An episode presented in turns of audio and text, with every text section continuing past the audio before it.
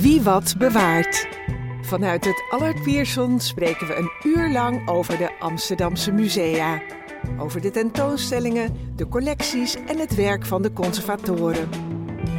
Wie wat wil weten over kunst en cultuur in Amsterdam, luistert naar Wie wat bewaart. Een wekelijks programma van Amsterdam FM in samenwerking met het Allard Pierson. Vandaag presenteert Jeroen de Vries.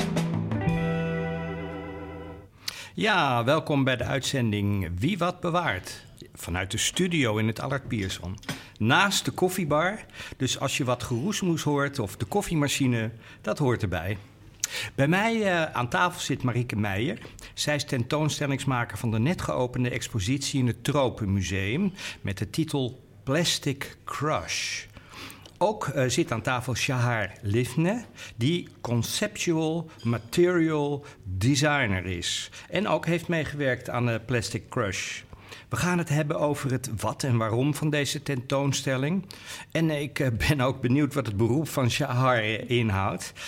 Want ik heb er nog nooit van gehoord. Het interview met Shahar zal in het Engels plaatsvinden. dus dat is even schakelen, ook voor mij. nou, Marike en Shahar, welkom. Dankjewel. Um, ik begin even met jou, uh, Marike. Uh, wie is Marike Meijer? Um, nou ja, Marieke Meijer is uh, een tentoonstellingsmaker op dit moment. in dit geval het Tropenmuseum en de tentoonstelling Plastic Crush. En ehm, daarnaast ben ik ZZP kunstenaar-ontwerper ook nog. Ja. Leuk, en wat ontwerp je dan?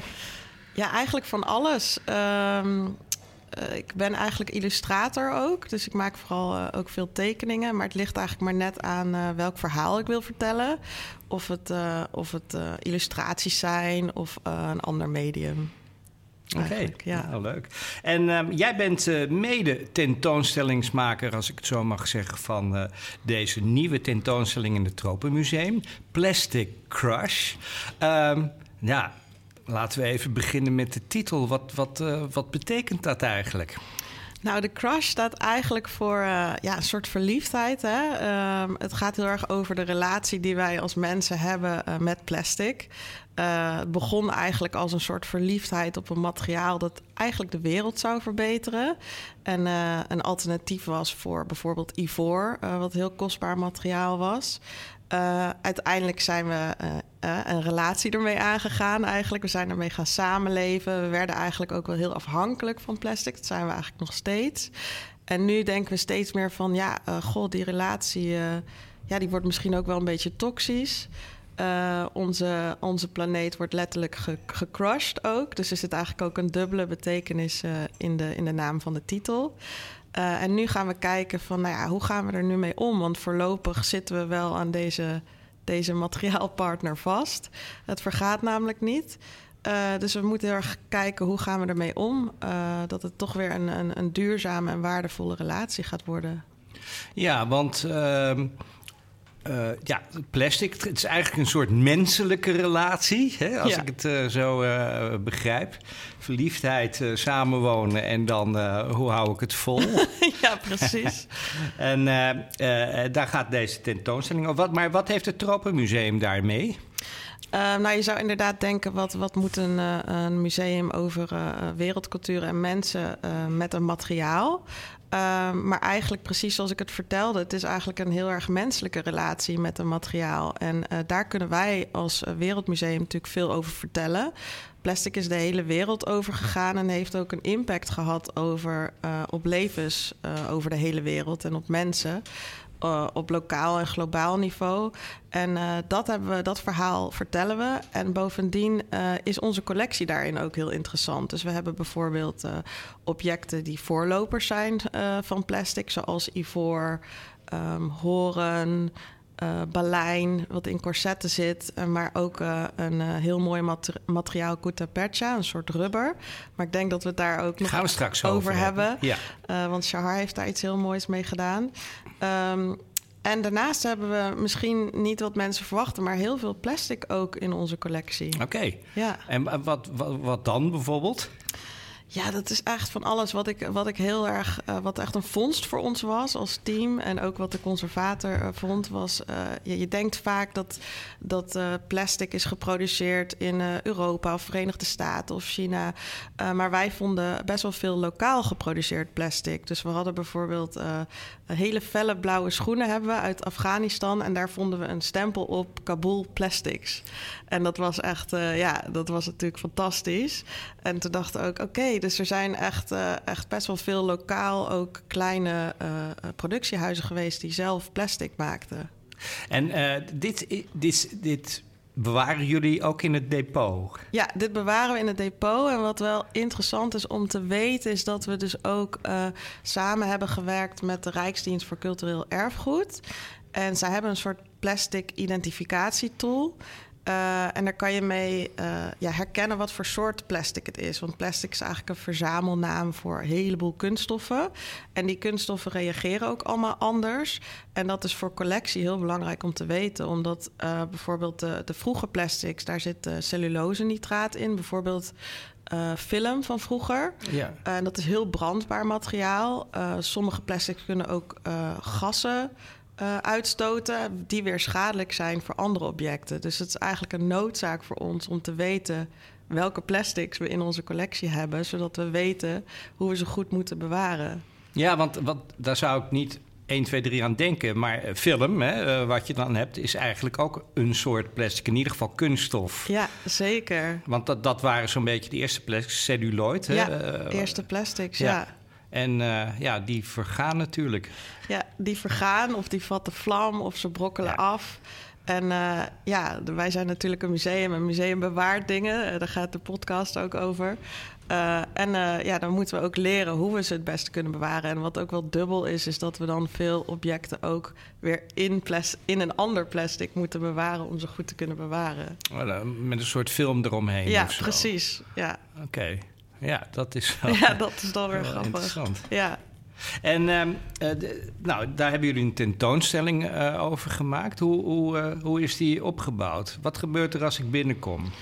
Als je binnenkomt, nou dan kom je als eerste in een ruimte waar je een grote wereldkaart ziet. waar we eigenlijk ja, zo goed mogelijk wilde uitleggen waarom wij als Tropenmuseum deze tentoonstelling maken eigenlijk. En waarom onze collectie relevant is voor uh, het plastic debat. En dan zie je op een wereldkaart ook hoe uh, zeg maar van de voorlopers van plastic in onze collectie zijn gekomen. Tot uiteindelijk uh, de plastics en de massaproductie in de jaren 70 en hoe we er nu om mee gaan. en dat is gewoon wel heel interessant om te zien, omdat je ook de stromen ziet. Uh, van hoe plastic de wereld overgaat. En daartegenover staan uh, twee hele kleine beeldjes. Ja, hoe groot zou het zijn? Uh, vijf, vijf centimeter ongeveer, ja, denk ik. Om het voor de luisteraar. Maar ik wijs met de vingers ongeveer vijf centimeter Ongeveer vijf centimeter. twee beeldjes, godenbeeldjes van de god Otai uit Japan. Het zijn Netsuki-beeldjes. En eentje daarvan is van celluloid en de andere is van ivoor. En dat zegt, je ziet eigenlijk niet het verschil. En dat is eigenlijk precies de start van plastic.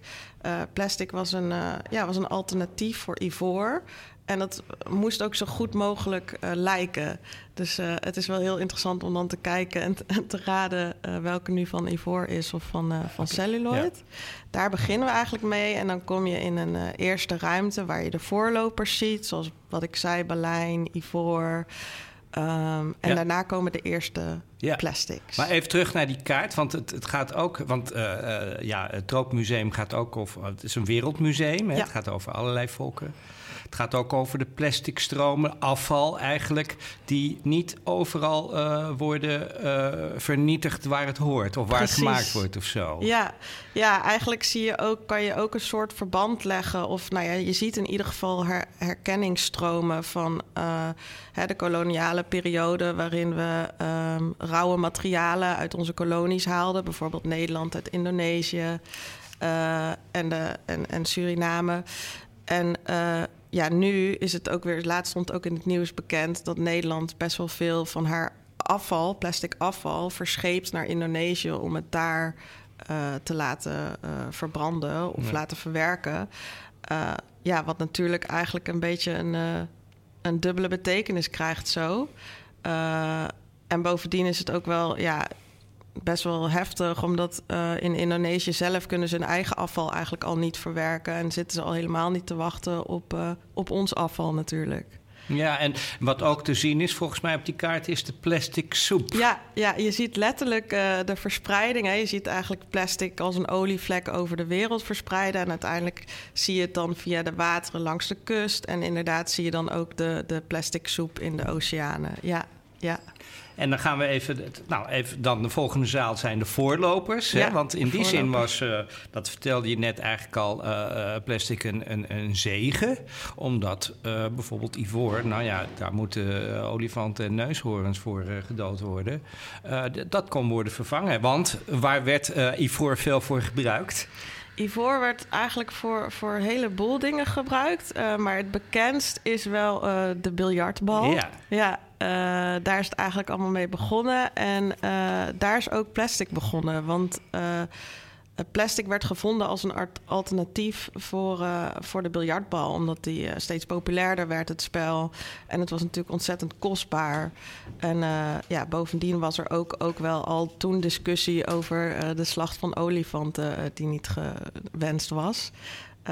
dus uiteindelijk is daar plastic voor, voor uitgevonden. Ja, dat is ja. dan de crush of de, de verliefdheid of ja. de, de zegen, ja. zou ik kunnen zeggen.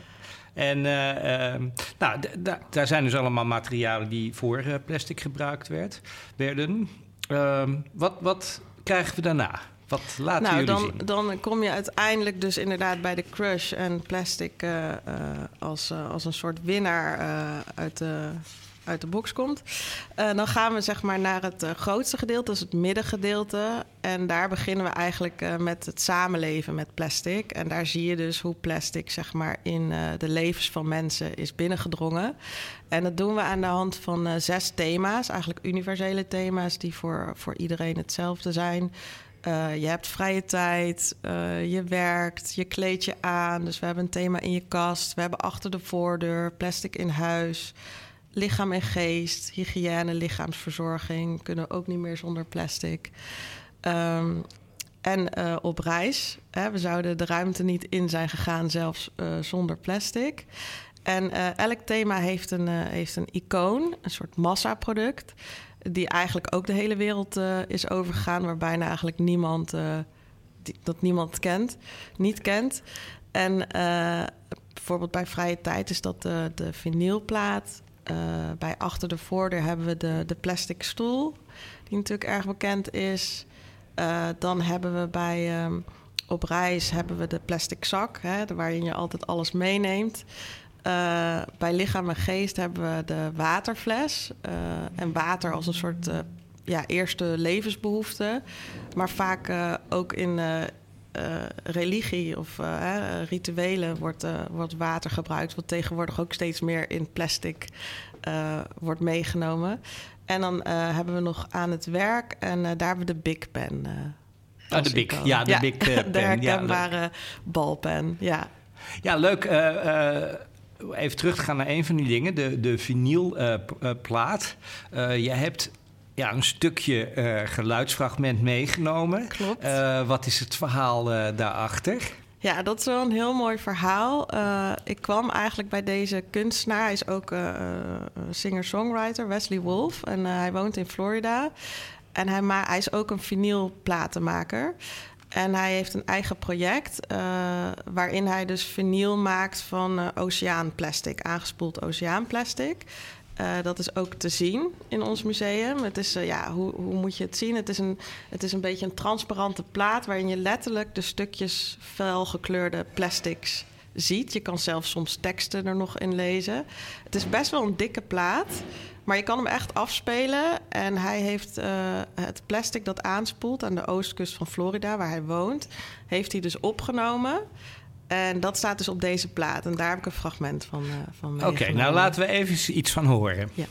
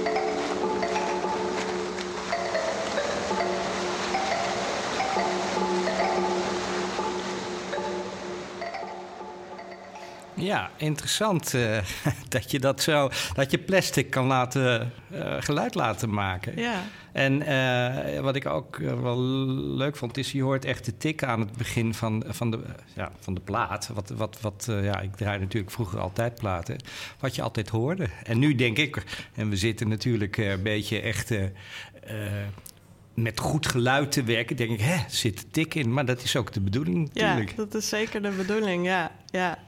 Ja, ik vind, ja, tegenwoordig uh, worden, nou ja, het is al een tijdje hè, dat de vinyl ook wel weer populair wordt. Ik hoorde zelfs dat de, dat de cassetteband weer een, uh, weer een opmars gaat maken. Dus uh, ja, dat maakt het ook wel interessant allemaal, ja. Ja, want uh, nou ja, eh, eventjes terug naar deze studio. In deze studio worden ook uh, oude cassettesbanden, maar ook platen gedigitaliseerd. Dus uh, ja, dat, dan, maar we gaan dan dus weer terug. We gaan weer terug naar de oude materialen. Dan zullen we het ook zo direct met jaar over hebben. Dat is erg leuk.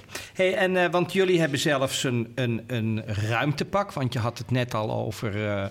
Er werd zelfs in de ruimte gebruikt. Wat, wat, wat kan je vertellen over dat ruimtepak? Het ruimtepak is, uh, is een bruikleen van Robin Sip. En het, komt, het is een Russisch ruimtepak uit de jaren 70. het is wel grappig, want het is best wel een, een klein ruimtepak. Dus er heeft een, een kleine astronaut in gezeten. Het was ook wel spannend om hem goed neer te zetten. Um, maar de bruikleengever was er heel, heel blij mee. Die zei, uh, hij heeft nog nooit zo mooi gestaan. Uh, dus dat maakt het wel heel leuk. Uh, maar ja, zonder plastic konden we inderdaad de ruimte niet in. ja, het is echt overal voor gebruik. Het is natuurlijk heel licht materiaal. Het is hygiënisch materiaal. ja, het is, dat, dat maakt het ook zo succesvol. en ik denk dat je dat ook in onze hele tentoonstelling ziet. Uh, dat het gewoon inderdaad eigenlijk een heel mooi materiaal is. Uh, wat overal gebruikt voor kan worden. Alleen dat we er, uh, ja, dat we er misschien wat anders mee om moet gaan, mee moeten gaan. En het vooral ook moeten gaan waarderen, denk ik. En, en niet zozeer meer weg moeten gooien. Ja, oké. Dus er anders mee omgaan. Ja. Want dat is eigenlijk ook een beetje de tentoonstelling. Het is het verleden, hè, de voorlopers, het heden, de verschillende thema's. Maar het is ook de toekomst. Het is ook de toekomst. En uh, ja, we, we, kunnen echt geen oplossingen daarvoor geven hoor. Uh, er, er, zijn nog niet. Uh, er zijn natuurlijk alternatieven. Maar meestal blijkt plastic toch nog altijd het beste materiaal. Of, of het goedkoopste materiaal. dus dan, dan kiezen mensen toch vaak daar weer voor. Um, dus we zijn er nog niet. Maar ik denk wel dat er, dat er uh, paden zijn die we kunnen behandelen, bewandelen waardoor het beter wordt. Zoals uh, het herwaarderen, het minder weggooien, materiaal koesteren. Um, inderdaad, alternatieven. Uh, wat je bij ons ook wel ziet, is dat die voorlopers nu weer terugkomt. Dat, dat ontwerpers geïnteresseerd zijn in de natuurlijke materialen die voor plastic werden gebruikt. En nu gaan kijken hoe ze dat in deze tijd weer kunnen gaan gebruiken. Ja, en jullie hebben de toekomst ook uh, vormgegeven, of laten vormgeven eigenlijk, door designers. En uh, daar gaan we het zo over hebben. Maar onder andere ook uh, met Young Talents. Kan je daar iets over vertellen? Ja, ja dat was echt een heel leuk en spannend project ook. Leonne Kuppen van XC Expo in Eindhoven. die is ook onderdeel van Embassy of Rethinking Plastic. En daar zitten heel veel talenten, jonge designers in, waar zij mee werkt en die nadenken over een nieuwe toekomst. Um, met plastic of zonder plastic alternatieven. En um, nou ja, dus zij heeft ons gekoppeld aan vier uh, jonge talenten. Uh, Lena Winterink, even kijken, Gundiga Strauberga, Daria Birjakova en Yi Chen. Yi Chen, inderdaad. En uh, zij hebben naar onze collectie gekeken, dus echt objecten uitgezocht. En uh, zij, aan de hand van die objecten hebben zij nieuw werk gemaakt. Kan je daar een voorbeeld van noemen? Wat moet ik me daarbij voorstellen? Want het heeft ook anderhalf jaar geduurd, heb ik begrepen. Ja, ja, het heeft best wel lang geduurd. Dus we hebben veel gesprekken met elkaar gevoerd. We hebben kennis uitgewisseld. Ze hebben ons depot bezocht. Um, ze hebben met conservatoren gepraat over de objecten. Um, wat ze vooral ook heel interessant vonden toen ze bij ons in het depot kwamen: van oké, hoe wordt dit allemaal uh, geregistreerd? Uh, bijvoorbeeld uh, Lena Winterink, die had objecten uitgekozen, eigenlijk allemaal draagbare objecten. Maar de objecten kwamen allemaal uit verschillende um, landen. En de materialen waren echt gekoppeld aan die landen waar de objecten vandaan komen. En zij dachten ineens van ja, eigenlijk weten we dat tegenwoordig niet meer. Uh, de kleding die we dragen, die is. Ja, dat materiaal komt uit dat land. Dan gaat het weer verder, wordt het daar afgewerkt. En als er zeg maar in het label made in staat, bijvoorbeeld uh, Bangladesh, China, Italië, Turkije, dan gaat het eigenlijk alleen maar om het laatste stukje wat aan het kledingstuk is toegevoegd. Dus bijvoorbeeld uh, een naadje of een, een knoopje. En de rest weten we eigenlijk niet waar het vandaan komt. En bij de objecten in onze, die ze uitzocht, weten we dat wel. En aan de hand daarvan is zij, zij nieuw werk gaan maken. En toen heeft ze allemaal, hoe zeg je dat, de labels uit kleding heeft ze geknipt. Uh, bij een recyclebedrijf. Want als je dus kleding recycelt, dan moeten die labels eruit worden geknipt. Want die kunnen dus niet in het recycleproces. Vaak zijn ze ook van uh, polyester en uh, plastic. En die heeft ze allemaal verzameld en daar heeft ze een nieuwe jas van gemaakt. Dus heeft ze allemaal aan elkaar ge. Dus je, je ziet een jas voor je met al die labels. En als je goed kijkt, denk je, oh ja, die, die, die. En ik herken het allemaal. En uh, bij haar gaat het dan eigenlijk heel erg van over ja, dat ook die kledingindustrie is natuurlijk hè, een van de meest vervuilende uh, industrieën. Ook veel plastics in textiel. Um, maar eigenlijk ja, is, het, is het een globale industrie. Weten we niet meer uh, waar ons materiaal vandaan komt. En, en waar het gemaakt wordt. Waar dus het ook. gemaakt wordt. Nee. Het wordt overal gemaakt. Het wordt overal gemaakt, ja. Ja. Dat zijn, en, en die jas, of wat is het, een jas? Ja, het is een mantel en die is, ja, het is een soort jasmantel en die is ook weer geïnspireerd op een, een jas uit onze eigen collectie. Uh, van zalmenhuid. vroeger werd dat gebruikt als, als een, ook als water afstotend. En uiteindelijk is daar natuurlijk plastic voor, voor in de plaats gekomen. En wat heel mooi is bij Lena's jas, is dat zij die labels zo heeft neergelegd dat het ook een beetje een soort het heeft bijna een soort schubbenstructuur. En omdat het die labeltjes een beetje dat polyester hebben, dan hebben ze soms dat glimmertje erin. Ik weet niet of je dat kent als je, als je in je, in je label uh, uh, kijkt. Uh, en dat, ja, dat geeft echt een heel mooi, uh, mooi effect eigenlijk. En dan zie je direct die link tussen zo'n zo'n object uit onze collectie en met, met nu. En dat, ja, ik, dat, ik word daar heel blij van. Ja. Ja, ja, het is heel leuk om, om te zien. Um, een ander object is iets wat tijdens de tentoonstelling gaat verdwijnen. Ja, en ja, dat, wat, dit is wie wat bewaart, maar dat wordt dus Nee. niet bewaard. Nee, dat wordt niet bewaard. En dat is eigenlijk ook wel, wel grappig. eh, dat eh, ontwerpers nu ook steeds meer gaan kijken van... eh, ja, bijvoorbeeld de plastic vergaat niet. En dat was natuurlijk eerst fantastisch, want dat maakte het sterk. het ging niet kapot, het was goedkoop en het ging niet kapot. Nou, wat wil je nog meer? En nu denken we van, ja, eh potverdikkie, het vergaat niet. Nu zitten we ermee. Dit is een probleem. Dus nu gaan eh, ontwerpers juist heel erg kijken van... eh, hoe vinden we materialen die eh, weer oplossen. En in onze tentoonstelling hebben we dus een jurk van Scarlett Yang. En dat is een jurk van, gemaakt van water en algen-extract. En daarvoor is dus speciaal een vitrine gemaakt. En daar komt dan een heel klein beetje water, waterdamp in.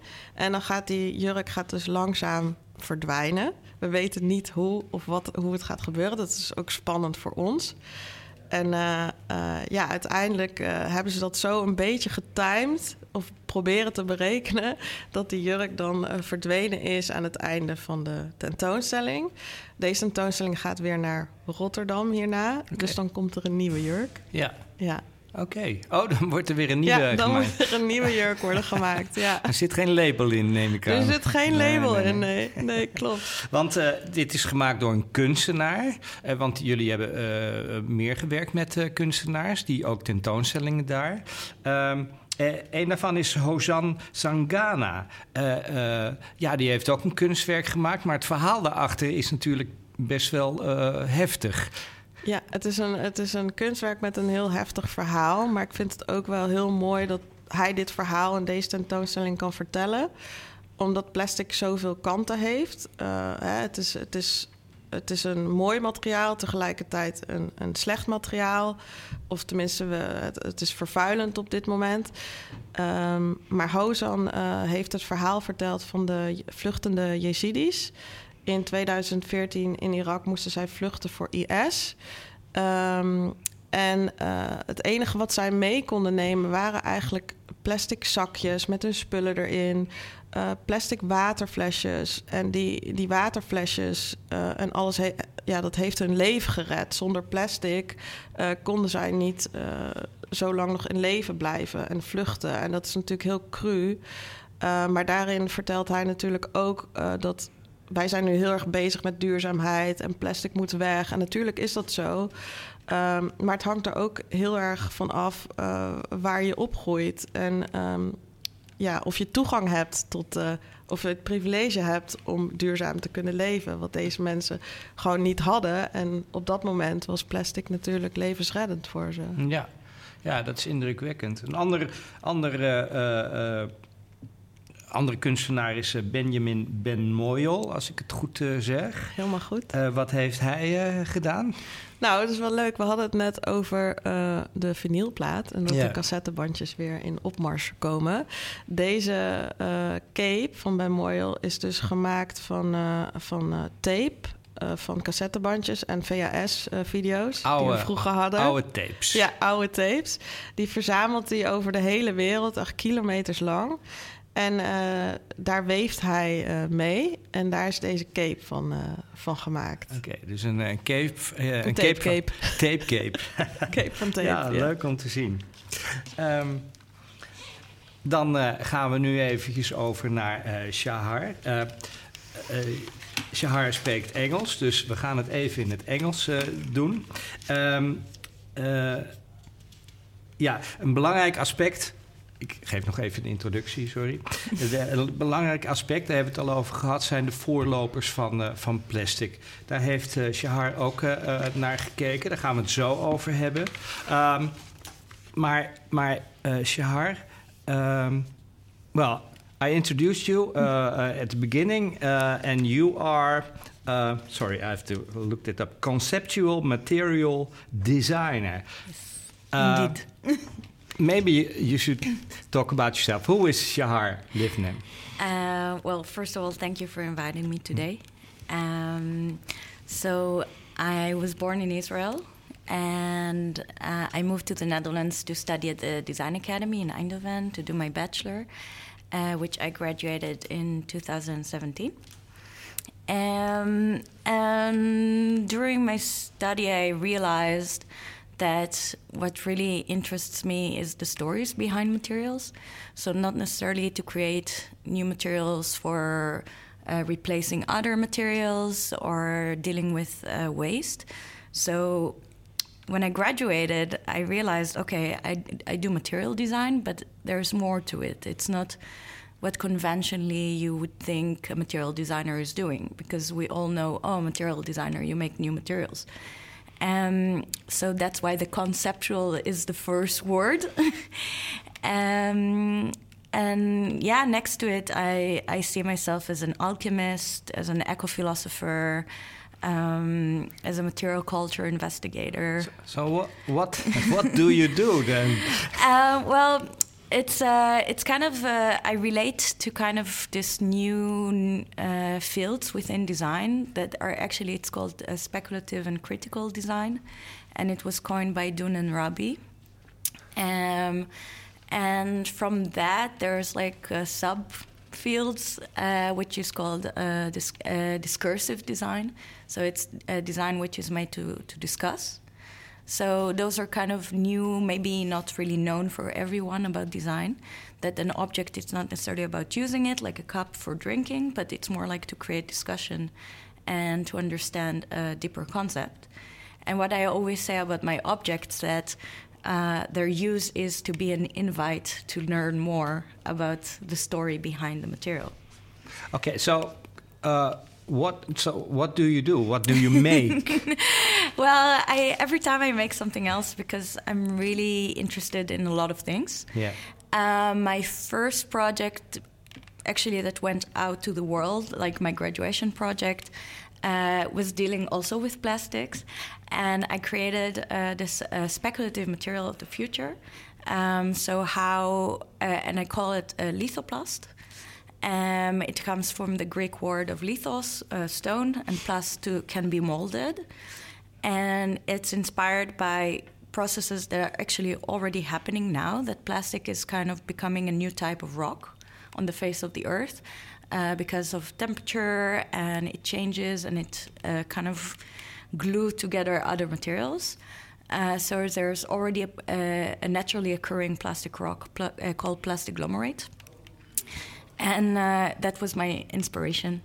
Okay, and, and you exhibited? Or? Yes, so I exhibited all over the world ah, yeah. uh, in a lot of museums.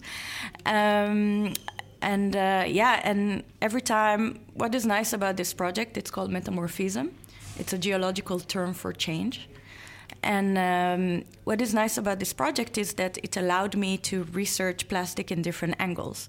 So I could do it in different chapters. For example, uh, plastic as the the prima materia, the the most uh, fantastic material in the world, or is it uh, uh an object of obsession?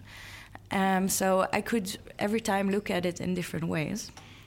And uh, I think that's also why I was invited okay. Uh, for this exhibition. Yes. Um, which leads me to what I did for this exhibition yes, for the Plastic please. Crush.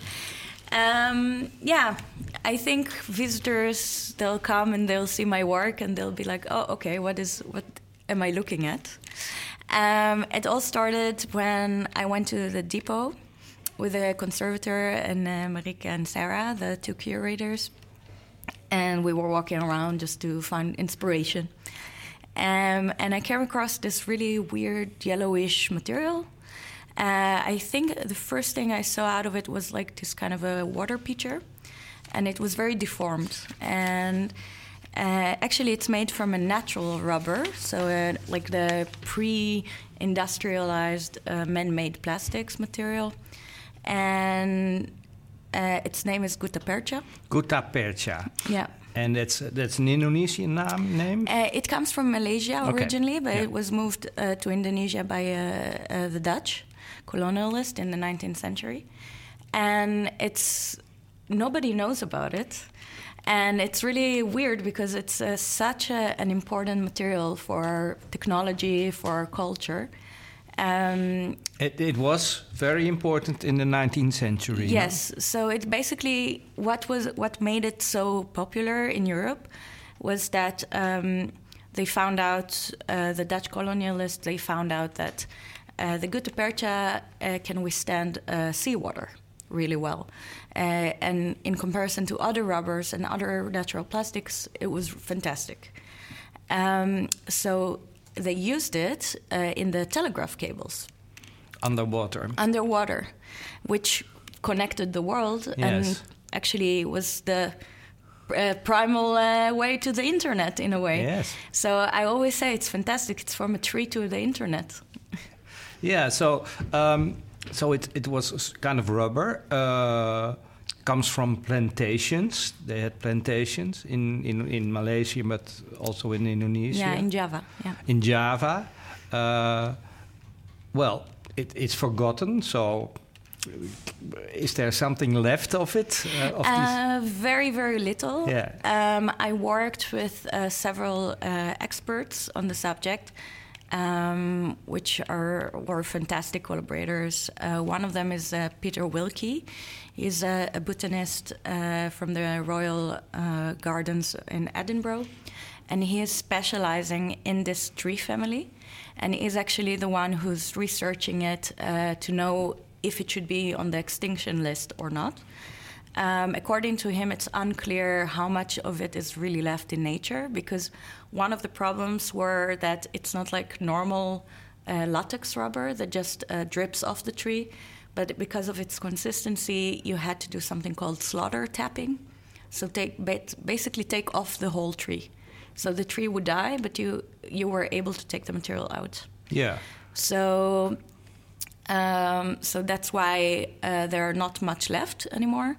And also, when we had modern plastic that could replace it, there was no need for it. Uh, the only plantation which is still existing is in Java. Um, and uh, they're still creating a little bit, and they managed to change the way they tap it, so they take only the leaves, so they don't have to kill the whole tree. But also, this plantation, which is now belongs to the Indonesian government, is getting smaller and smaller because uh, of palm oil trees. Okay. So it's also again again being replaced. Yeah. Yes. Okay. Well, Tsering, but what, what's your fascination with this material? It was like a little bit of a Pandora box for me, and that's also what makes me so passionate about materials and material stories. I because sometimes you look at a material and you're like, ah, okay, it uh, smells weird, it looks strange, it's not very interesting. But the moment you start to to research, like the whole history of it and the whole cultural connections we have with it, you discover like a whole world. And for me, this material, it was so popular, and now nobody even knows about it. And it was so important for our technology that, and still people are barely aware of its existence. That was really, it made me a little bit sad in a way. Yeah. And I wanted to highlight its importance. Okay. So you want to take it out of history and, and, and show it again. Yeah, shake shake the dust a little bit. shake the dust. Bec- because what what did you make for the what uh, your product for the uh, exhibition? So at the end, I wanted to illustrate or communicate uh, the feeling of lost. There's um, there's a, a term called ecological loss or ecological grief um, that uh, psychologists they see it in uh, in uh, environmentalists and scientists, but also in indigenous people uh, that they encounter the loss of their surrounding or that they're dealing with uh, extinction, and. I felt this feeling of loss as well, in a way, when I was reading and investigating on it. Um, so I created a, a, series of three urns. Um, and they're made from a very new material. So it's SLA uh, resin. So it's a, a, type of 3D printing technique okay. with liquids, and from from a chemical uh, resin. Um, and I, the nice thing about it that it can be 3D printed, but it becomes uh, transparent. So I wanted to create like this kind of shell, outer shell, uh, from the newest type of plastics that protects the inner core that is made from the old plastic from the gutta percha. So inside this? Inside is the core. It's made from gutta percha mm-hmm. that I was lucky enough to to get from uh, Dr. Wilkie, and um, it's a very interesting thing because uh, it's a piece that actually changes with time. One of the things which are very difficult, also for the conservator Marguerite from uh, from the Tropen Museum, is that it's a really hard material to conserve because it's a natural plastic, of course. Natural plastic should decompose and fall apart and break. And uh, so she's not the only one, but a lot of uh, conservators um, from museums around the world, they're really dealing with a lot of trouble of conserving plastics, also modern plastics for future generations. Yeah, that's that's what uh, Marika yes. also told. Yes. And but uh, but this is not plastic. Gutta percha, it's considered natural plastic. Ah, oh, okay, natural plastic. Yes, so it's the pre pre uh, modern plastics. That's a plastic that was used, for example, like um, um, uh, shellac, which is a lac from insects that was also used. Horn was also considered as a as a natural plastics. Okay. Well, I've never heard of natural plastics, but Yes. that's interesting. Of so course. it's basically polymers from nature. Okay, yeah, that I understand. Um, so that's basically what plastic is. It's a polymer. Um, so there were a lot of different natural plastics. There was also um, uh, a French version called Bouillet d'Orsay, and there was a Galilith, which was made from milk. Uh, Bouillet d'Orsay was made from uh, from blood. Um, so it's very interesting, like to understand like the old type of plastics, as we call it. And I'm doing quotes, but nobody can see it. but um, yeah, so for me, like this beautiful material, it changes and uh, and it disappears and it breaks down. Also, the you can see the pieces next to my work, which are from the collection of the Tropen Museum of the World Culture Museum. And you have those deformity, deformed objects or broken objects. And it's questioning this idea like, yeah, natural plastic, they're supposed to break down, but how do we conserve the Uh, uh, knowledge? these are things of Gutta Percha. Yes, Oh, those yeah, are okay. made from gutta percha And from the depot, and they are breaking down. And why are they breaking down? Because, uh, because they're natural, and uh, that's what happens with natural materials. but you told us that it can uh, resist seawater. Yes, so that's an interesting point because uh, now also Dr. Wilkie, also Margaret, uh, and conservators all over the world, they're trying to understand how to conserve natural materials for future generations. So it breaks down because it oxidizes. So what they found out now that it's uh, conserved under uh, in dark environment in seawater.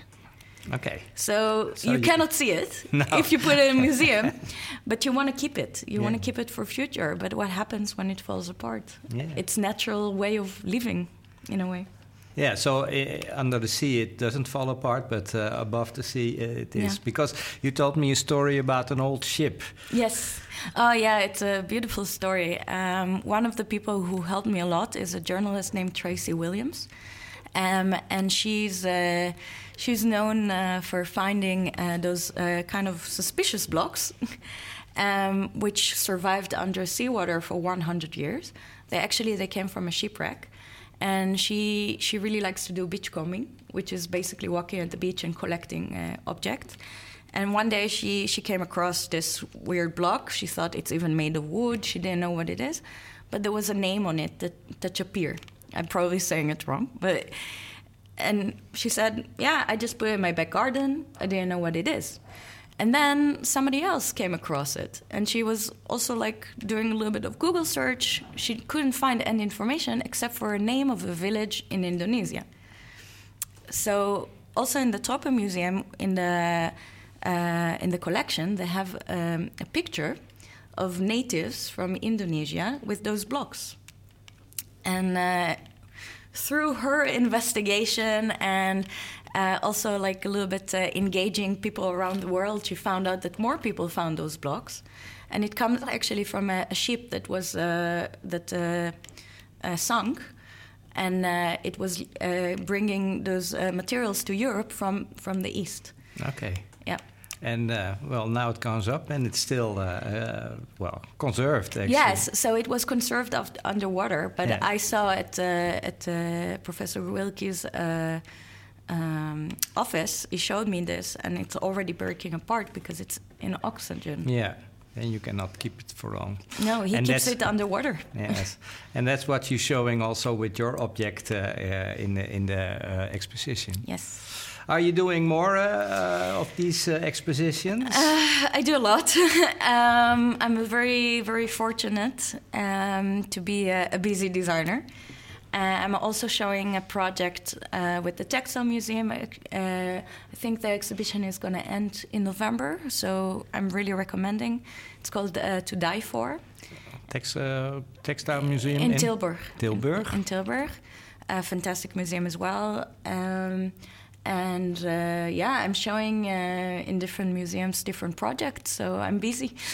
Ah, that's uh, very good. So uh, you're, but you you mostly do your things in for exhibitions for for musea. Yes, so it's mainly for collections, uh, museum. Uh, I give a lot of lectures about my work. I teach design as well Oh, okay, yeah. So uh, on the design at the Design Academy. Academy. Okay. Yes. yes. And um, okay, well, thank you. I'll go back to Marike if it's okay. Ehm, ja, dat is dus de samenwerking met eh, designers en kunstenaars. Want eh, eh, die, die designers hebben ook op de Dutch Design, hoe heet het ook weer? Dutch ja, Design, Dutch Design Week. Week. Ja, Ja. ja. dat, dat Hoe vond- was dat? Ja, dat was echt fantastisch. Het is, ik wilde heel graag met de Dutch Design Week en Leonne Kuppen samenwerken. Eh, uiteindelijk is dat, eh, is dat gelukt en konden we dit eh, mooie project met die vier jonge talenten ook op de Dutch Design Week laten zien. Lena had zelfs een, een tweede jas gemaakt. Lena, dat was degene van de, de jas met... Van de jas met de labels, labels. inderdaad. En de anderen hadden hele mooie samples neergelegd. Daria van kleur, stalen, natural en synthetische kleuren. En Gundiga heeft altijd een soort... ja, die was heel erg gefascineerd door tuinen en de, de, maakbaarheid van de natuur door de mens. En dat plastic eigenlijk een soort synoniem is voor het maakbare. Hè. Je kan alles maken van plastic. En ja, en, het, en het bewaarbare. Hè? Want waar was uh, Gunda, Gunda Strauberga, als ik het goed zeg? Ja, klopt. Waar was zij dan door geïnspireerd uit de collectie? Uh, zij was geïnspireerd door een, een set uit, uh, uit mijn jaren tachtig uh, Turkije. En dat werd gebruikt om nepbloemen mee te maken. Ja, door bloemen. Ja, en zij was echt gefascineerd door, door die bloemen. dus ook plastic bloemen. Uiteindelijk is ze zeg maar plastic bloemen uit elkaar gaan halen. En ontdekte ze ook dat eigenlijk voor elk klein dingetje in het bloem... ja, iets is gemaakt. Dus het is eigenlijk allemaal van plastic. En voor elk stukje plastic moet een malletje gemaakt worden. Dus eigenlijk ontzettend intensief werk om zo'n bloem in elkaar te zetten. En ze heeft alles dus uit elkaar gehaald. En daarna is ze weer dingen in elkaar gaan zetten, maar niet zoals het uit elkaar was gehaald. En toen bleek het een soort ja, bloemen-Lego te worden. En uh, toen kwamen daar bloemen uit die natuurlijk helemaal niet bestaan. En uh, ja, krijg je een soort rariteitenkabinet van, van gekke plastic bloemen die zelf gemaakt zijn. Ja, maar wat ik wel aan die bloemen, wat ik dan ook uit die tentoonstellingen gehaald heb, is dat plastic bloemen zijn eigenlijk wat de mens probeert boven de natuur te staan. Boven de, nou, het, het, het ver verweren of te doodgaan. Uh, plastic bloem blijft altijd bestaan. Ja, heel duurzaam. Ja, ja. ik was laatst, uh, ik was op vakantie in mei op Madeira en je ziet dat vaker, hè, dat, dat je op van die grote begraafplaatsen komt die dan vol met plastic bloemen staan. Want ja, die vergaan niet. Ja, Nee, dan moet je een beetje afstoffen en dan... Een beetje afstoffen, ja. Dan, dan, kunnen ze weer een jaartje mee, toch? Ja, precies. en de kleuren blijven ook vaak wel best wel mooi. Ja. ja. Ja, dat is wel bijzonder. Wat, uh, wat, wat uh, plastic dan in ons leven gewoon doet. Hé, hey, maar um, jullie, jij, jij werkt niet alleen voor het Tropenmuseum. Um, nee, nee, het is eigenlijk het Nationaal Museum voor Wereldculturen. Ja. En we zijn dus eigenlijk, uh, we hebben vier locaties.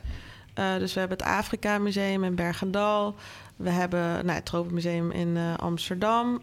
het Wereldmuseum in Rotterdam. En Volkenkunde in Leiden.